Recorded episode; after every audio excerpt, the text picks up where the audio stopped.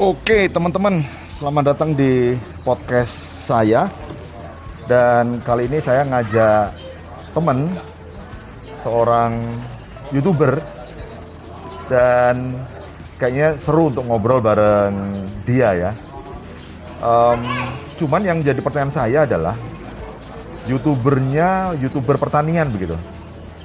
Kata pertaniannya ini yang agak-agak kontradiktif dengan kata youtubernya. Makanya aku ajak dia ngobrol di sini. Dan ayo kita uh, kulik bareng tentang mengenai si youtuber ini. Nama saya Samsul Masuri. Uh, kalau untuk alamat saya ada di Lampung Timur. Jadi uh, saya termasuk bergabung di youtuber itu sudah sekitar 8 bulanan jadi sekitar 8 bulanan ini saya menggeluti di bidang YouTube karena salah satu adalah hobi saya lah Pak.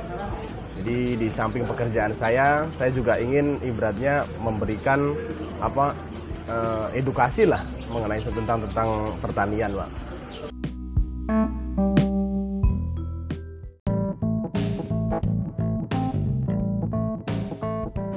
Boleh tolong ceritain nggak mengenai akun YouTube-mu ini?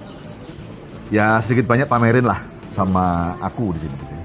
Ini ini YouTube model apa? Hmm. Followernya berapa? Terus yang jelas keren nggak kerennya? Jangan-jangan ini YouTube biasa-biasa aja ini gitu yeah. ya. Ap apalagi ini YouTube pertanian gitu loh. Yeah. Kalau aku bandingin kan ya Atta Halilintar YouTube-nya mengenai ngerasanin artis, rumah tangga artis, uh, kawin cerai dan segala macamnya begitu. Hmm. Kemudian gosip-gosip corona dan segala macamnya. Kalau pertanian apa ya soal yang mau digosipin ya? Ini emang akun ada followernya atau enggak? Jangan-jangan. Sorry ya Sul ya. Aku nyindir okay. untuk belak-belakan aja biar dirimu terpancing untuk pamerin. Okay. Kalau emang keren, pamerin YouTube-nya. Uh, untuk topik, mengapa saya mengambil topik uh, tema pertanian, Pak? Yang jelas yang pertama adalah uh, karena mayoritas penduduk Indonesia adalah bekerja sebagai petani. Ya. Jadi kita berasumsi bahwa kalau seandainya penduduk Indonesia itu adalah pekerja petani, otomatis follower yang akan kita dapatkan juga akan lebih banyak.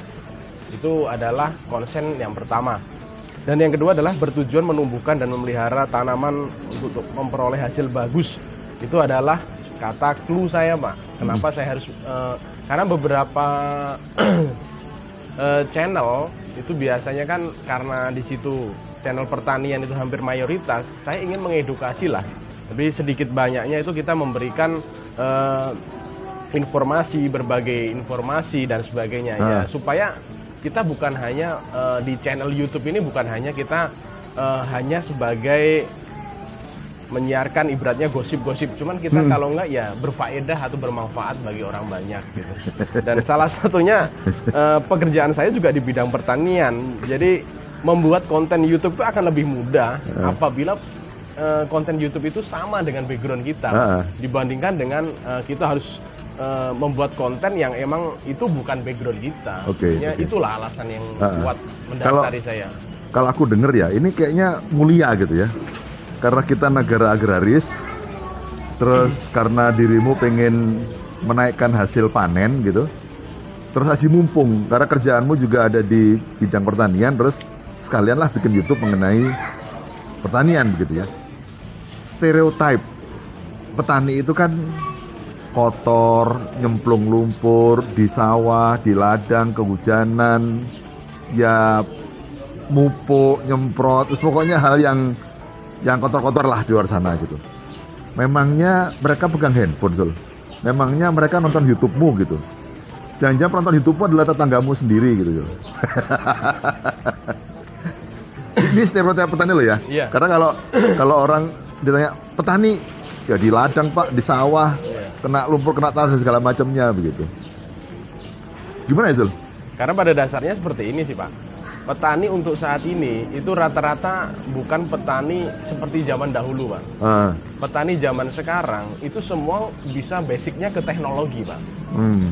Secara tidak langsung untuk 5 sampai 10 tahun mendatang, uh. petani manual itu hampir tidak ada. Hmm. Jadi semua itu pakai elektronik, Pak. Contoh Dulu manen padi aja kita masih pakai mesin apa tangan pakai bubut itu pak pas masih di red. Sekarang sudah pakai mesin ibaratnya kubota dan sebagainya. Itu semua adalah teknologi yang tidak bisa dilakukan oleh orang-orang zaman all. Itu harus eh, orang-orang zaman sekarang. Secara langsung Hmm. mereka juga sekarang sudah lebih melek teknologi pak terhadap itu. Gitu ya? Iya.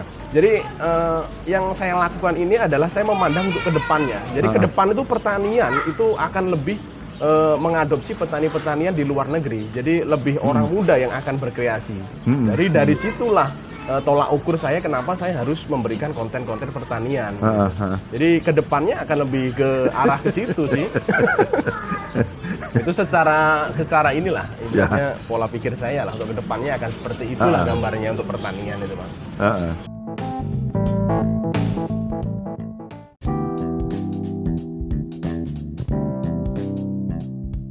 Samsul ini hebat ya. Tahu nggak jumlah subscribernya berapa di YouTube?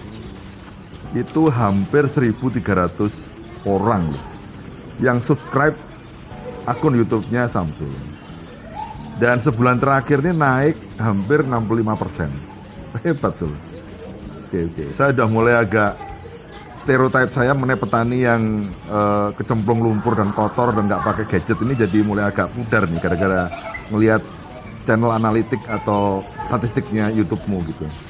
Dan ada videonya Samsul yang ditonton hampir 300 orang. Keren ini menurut saya. Eh, bahkan sebulan terakhir juga jumlah yang nonton naik sekitar 6 6 ribu naik 6 ribu orang alias naik hampir 67 persen wah hebat nih video yang saya baca yang cara praktis membuat lanjaran ini 7.900 ini yang view ya View pak. wah yang nonton hampir 9.000 8.000 orang Iya. yang cara membuat lanjaran Ya, terkadang di sini eh, untuk lanjaran ini emang ini lanjarannya emang unik sih. Jadi eh, mereka itu biasanya membuat lanjaran itu kan tipe-tipe lama, tipe-tipe segitiga yang terkadang menganggap bahwa tanaman rambatan itu memerlukan modal yang banyak. Ha, ha. Nah, dengan saya mengupload seperti ini dengan harapan bahwa dengan bambu satu dengan kasih benang aja bisa menjadi rambatan sayuran yang lebih bagus. Di situ tutorialnya juga ada kelanjutannya Ha, ha. di apa video selanjutnya juga saya caranya untuk menggunakan lanjaran itu seperti apa yang sudah ada tanamannya itu juga saya sudah selalu tampilkan. Iya, iya. Iya, Jadi iya, ternyata mereka lebih ini tentang hal-hal baru sih pak, atau Iya, iya, inovasi iya. baru sebenarnya. Nah itu terkadang-kadang kesulitan kita untuk membuat video yang seperti follower ataupun ini yang minta seperti itu yang agak susah sebenarnya. Iya iya iya. Jadi ini kalau kita cermati ya channel analitiknya ya. Eh sebulan terakhir yang nonton udah 6.200 Ya, viewer gitu ya. Terus kemudian eh, totalnya itu udah ditonton oleh sekitar 6,3 6,2 juta iya, orang. iya. Wah hebat. Dan watch time-nya itu 240 jam. Iya. Oh, oke. Ya, ya, ya, ya. Terkadang mereka juga melihat video itu kalau emang video itu menarik, pak, Hmm, dia bisa menghabiskan jadi bukan hanya satu menit dua menit gitu di skip gitu tidak dia pak Ha. dia biasanya bisa sampai habis itu menontonnya yaitu sebenarnya bagaimana car- caranya kita membuat video yang seperti itu sih. ya semoga video yang bermanfaat lah buat mereka jadi mereka bisa bisa menonton sampai Iya. habis tidak di skip skip gitu sejak kapan sih Sol? Ini mulai rekam, rekaman pertama Sol? Upload pertama? rekaman pertama saya mulai di sekitar tujuh bulan terakhir sih pak Oh. Jadi eh, awalnya sih dari saya melihat YouTube juga kayaknya kok asik gitu kan. Jadi kita bisa mendokumentasikan segala proses yang kita lakukan, kita mendokumentasikan kita sehari-hari. Jadi eh, dokumen yang tidak bakal hilang. Apa- kita iya. tinggal buka nama kita aja di situ sudah muncul berbagai macam konten dari berbagai macam perjalanan di situ. Iya, iya. Kita juga bisa eh, belajar dari situ yang dulunya ternyata seperti ini sekarang seperti apa kita Iya. selalu berkembang ya itu salah satu keuntungan kita sih pak Heeh. dengan adanya kita membuat YouTube saya yang udah YouTubean sejak tahun 2016 merasa tersaingi nih dengan yang baru 8 bulan bikin YouTube.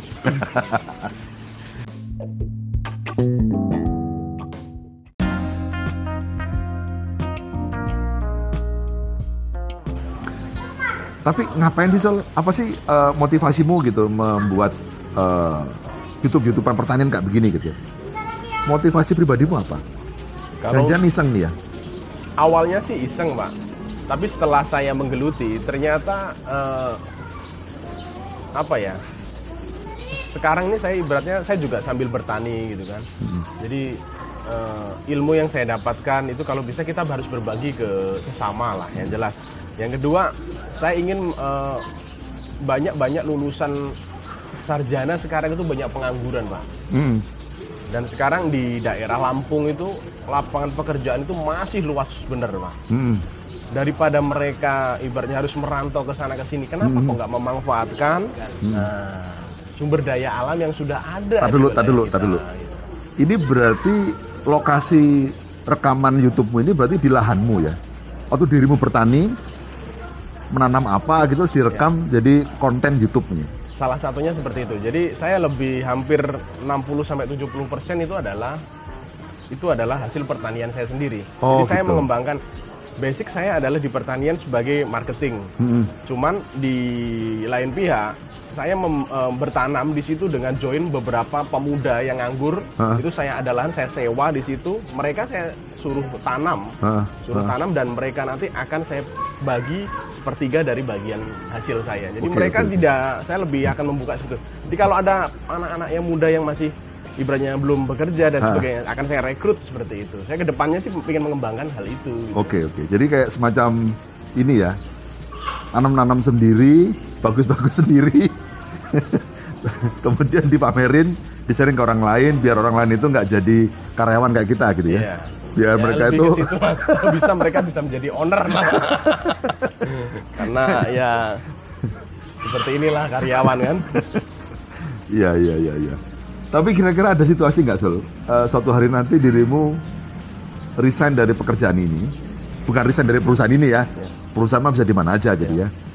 Mungkin nggak nanti suatu hari nanti dirimu akan resign dari profesi atau pekerjaan ini sebagai eh, karyawan sebuah perusahaan crop protection begitu, lalu menyerusi karir sebagai petani merangkap youtuber. Memungkinkan nggak menurut kamu?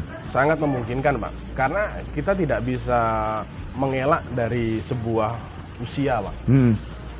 Sehebat apa pun usia dengan eh, pemikiran kita, semakin kita bertambah usia, otomatis kita juga dari apa tenaga pikiran juga kita pasti akan turun sih, Pak. Hmm. Kalau eh, pondasi itu tidak segera kita buat dari sekarang, mau kapan lagi? Kalau tidak kita mulai dari sekarang, eh mau kapan lagi? Gitu. Hmm. Jadi ya dari sekarang ya sebisa saya apa yang bisa saya lakukan untuk saat ini selagi itu positif ya saya lakukan ya salah satunya seperti itu sih. Mm-mm. Kalau untuk youtuber sendiri itu adalah salah satu hobi saya.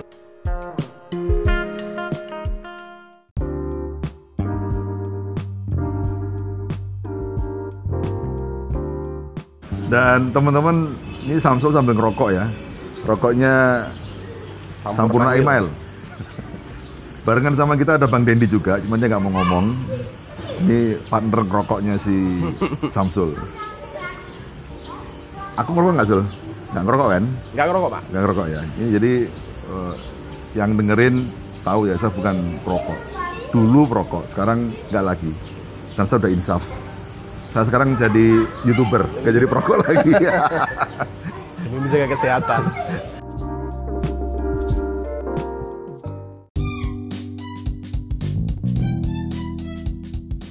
Saya memberi mendapatkan hobi yang untuk saat ini di YouTube itu mendapatkan banyak kawan di situ kita bisa sosialisasi walaupun di situ banyak haters haters yang emang terkadang sirik kepada kita tapi itu terkadang juga menjadi motivasi buat kita itu kan Termasuk salah satu haternya Bang Dendi ya. Nah, itu salah satu. Karena mereka kadang-kadang ya belum tentu mereka bisa buat gitu.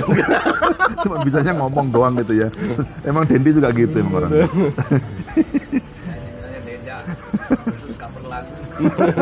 Lain dia. Si Dendi kan urusannya drummer sama Drummer. sama cover lagu. Kita tunggulah untuk Iya. kontennya juga. Heeh. Cuman kalau Dendi kan eh, cover lagu gitu ya. Iya. Dirimu bikin YouTube konten gitu kan. Sementara kalau aku kan bisa dua-duanya, Sul. Dua-duanya. Aku bisa cover lagu juga bisa bikin konten. Jadi sorry ya kalian berdua nggak level sama saya. ya, ya, ya, ya. Tapi em, ngomongin mengenai hater ya, Sul. Nggak ada nggak ada youtuber atau content creator yang nggak punya hater. Gitu. Kalau untuk di hater sendiri sebenarnya ya itu sebagai motivasi buat saya.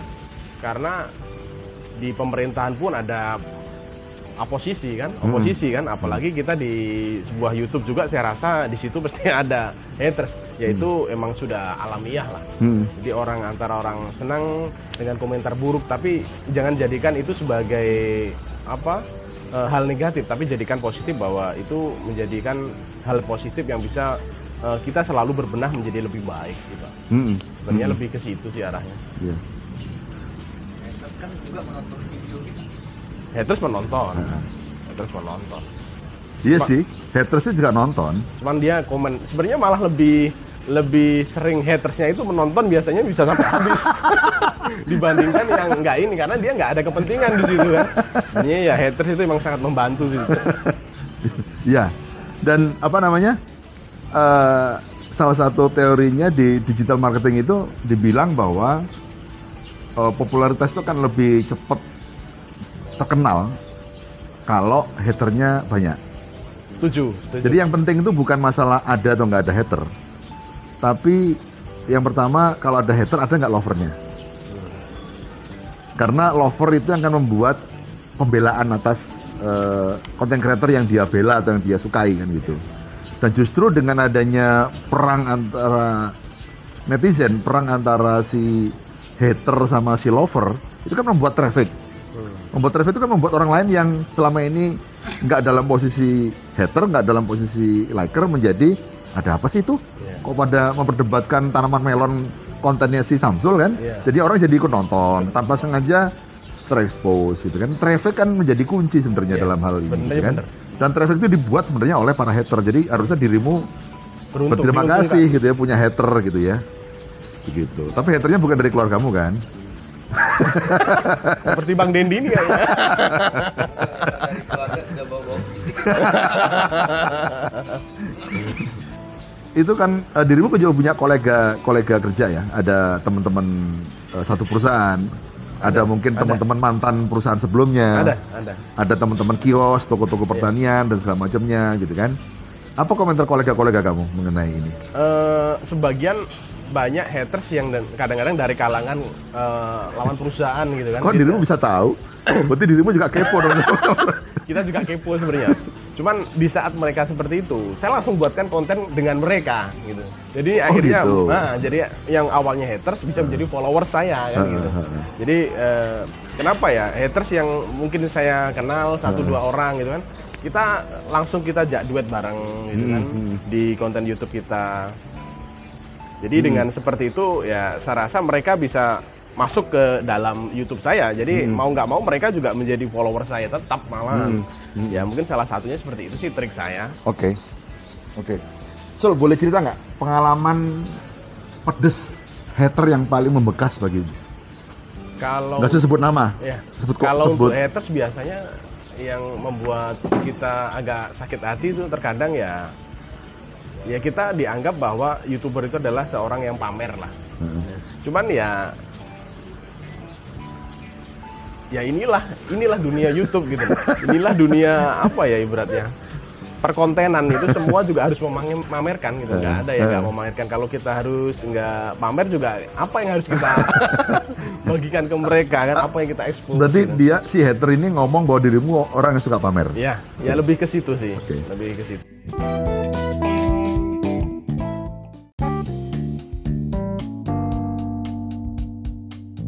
Tapi gini Sol, aku punya pengalaman. eh Sebenarnya kan aku kerja di bidang marketing di perusahaan corporate protection. Tapi sebagai bapak rumah tangga, itu kan sehari-hari berhadapan dengan hal yang di luar pertanian. ya Contoh, eh, pompa di rumahku macet.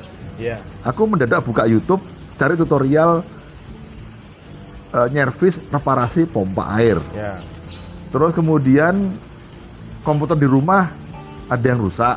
Ya. Buka YouTube untuk eh, apa namanya? Gimana ya caranya mendownload ini atau membenerin eh, software di laptop ini dan sebagainya dan sebagainya, begitu Ya. kan? Jadi tutorial menjadi kata kunci di sini. Eh, dan tutorial itu bisa menjadi apa?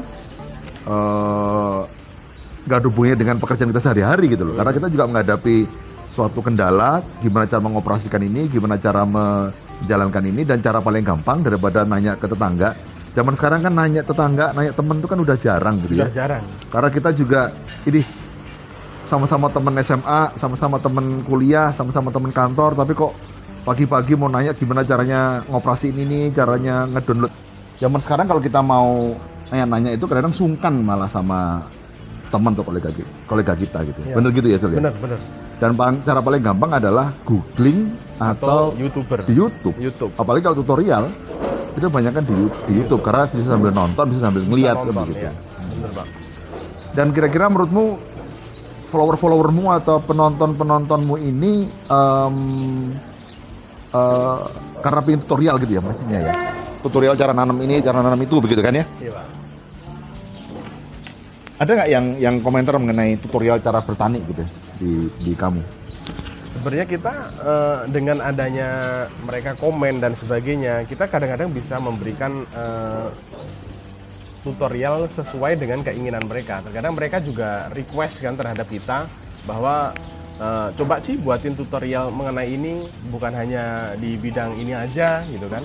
Nah, dari situ kita bisa malah mendapatkan apa ya? jenis konten baru mungkin sesuai dengan permintaan mereka. Mhm. Ya walaupun itu di bidang bidang lain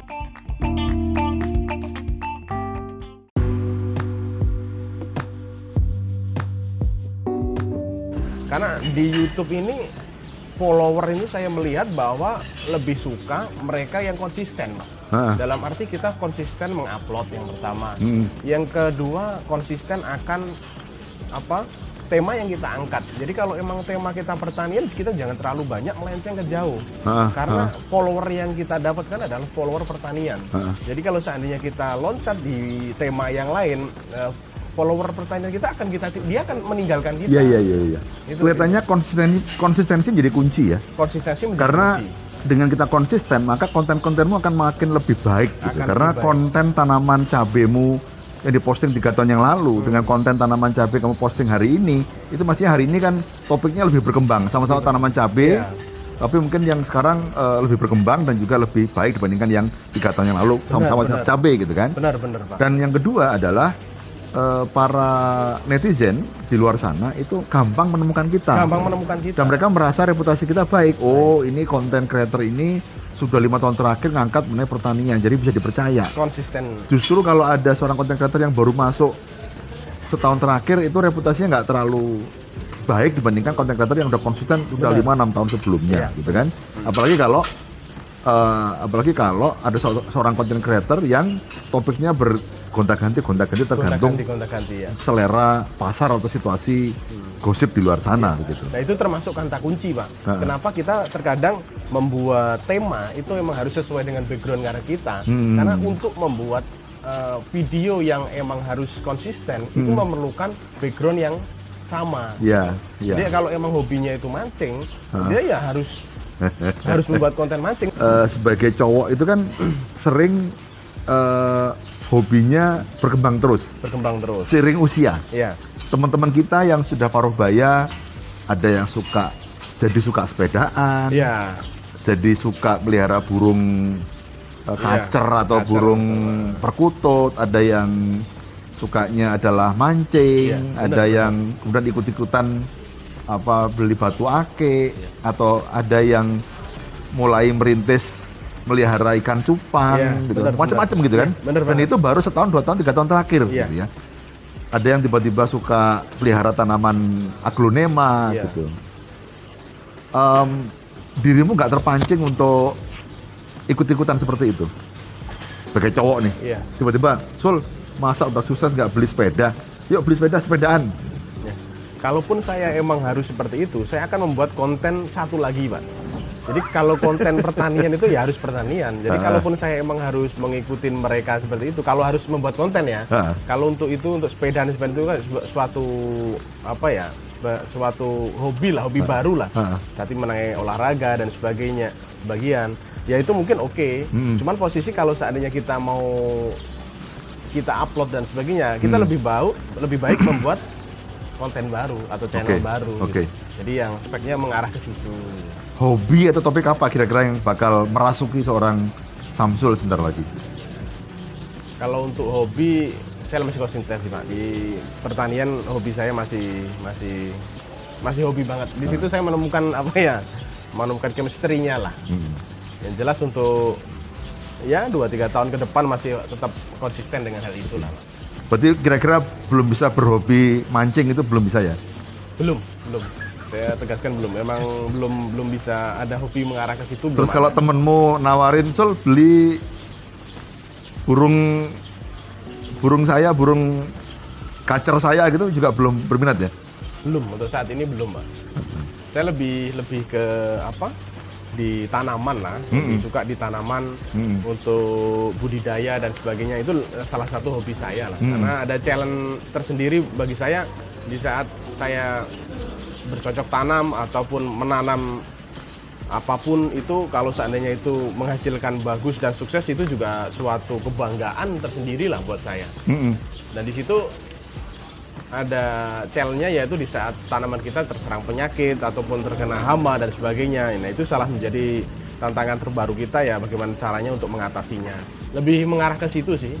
Untuk saat iya. ini hobi saya lebih lebih mengerucut ke situ belum ke mana-mana gitu. Iya, iya.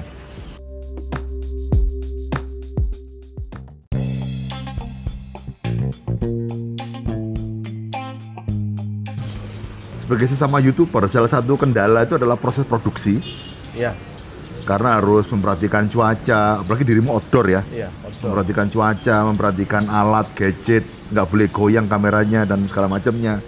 Terus kemudian ngeditnya itu juga perlu waktu gitu Perlu ya. waktu, Pak. Kadang-kadang juga kita di rumah harusnya kita eh, dengan eh, keluarga kita malah sibuk dengan gadget untuk mengedit, memotong, Iya. ngatur suaranya dan segala macamnya. Gimana selama ini dirimu mengatur waktu ini? Kalau untuk mencari kontennya sangat susah pak, apalagi saya di lapangan pak ya. Jadi di situ terkadang kesusahan saya itu adalah mencari konten yang menarik gitu. Heeh. Jadi bukan ya kalau seandainya kita di lapangan itu kita harus nah, menampilkan suatu kayak tanaman, tanaman sayur dan sebagainya. Kita harus mencari tanaman yang harus menarik, yang di situ ada nilai edukasinya untuk petani kan pada keseluruhan.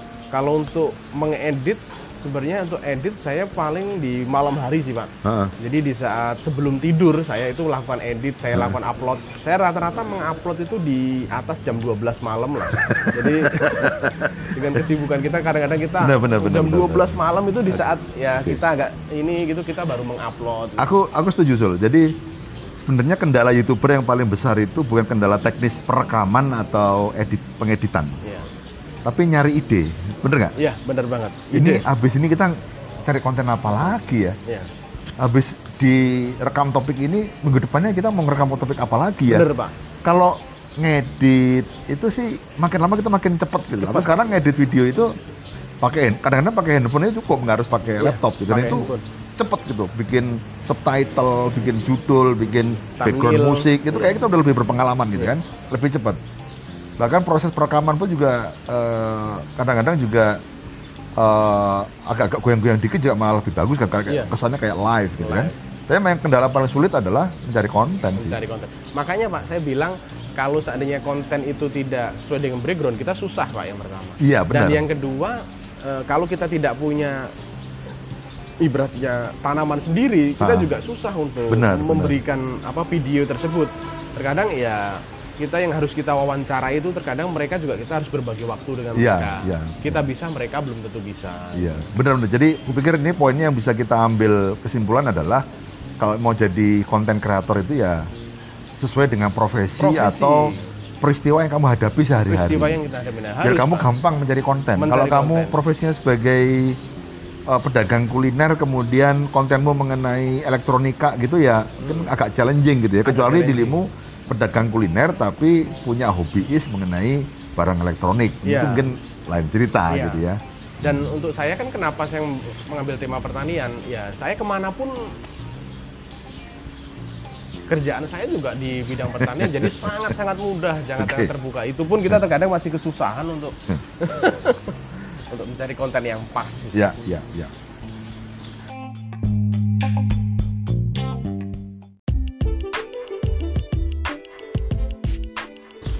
Oke Sol, udah jam 8 seperempat nih waktunya untuk eh, sarapan.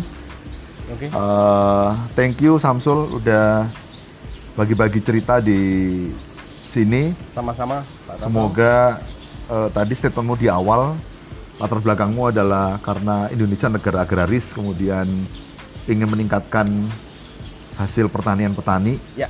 dan juga tadi dirimu tadi bilang bahwa buat teman-teman pemuda di sini eh, nggak perlu jadi karyawan lah perlu jadi kesempatan karyawan. ker- kesempatan berusaha terutama di bidang bertani itu masih luas dan Masih moga-moga masih luas. konten-konten tutorial dari dirimu itu bisa membantu para petani-petani muda atau petani-petani baru amin, untuk amin, amin. bisa dengan mudah Ya. meningkatkan hasil pertaniannya. Bahkan termasuk bikin lanjaran aja harus nonton YouTube sekarang ya. Amin. Daripada tanya, Pak. Daripada tanya gitu kan. Bener. Karena juga karena tanya ke teman juga nggak enak juga. Ya. Oke, eh, teman-teman, Ya. eh, itu aja eh, podcast kita sama Samsul. Semoga teman-teman menginspirasi.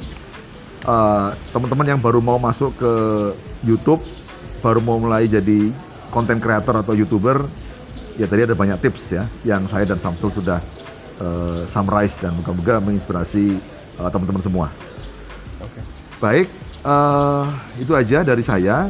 Eh, kita akhiri podcast ini. Salam dari saya dan Samsul dari Hotel Aston di Bandar Lampung pada hari Rabu bulan Maret ini. Oke, terima kasih. Selamat pagi dan sampai ketemu di konten podcast berikutnya. See you, bye-bye.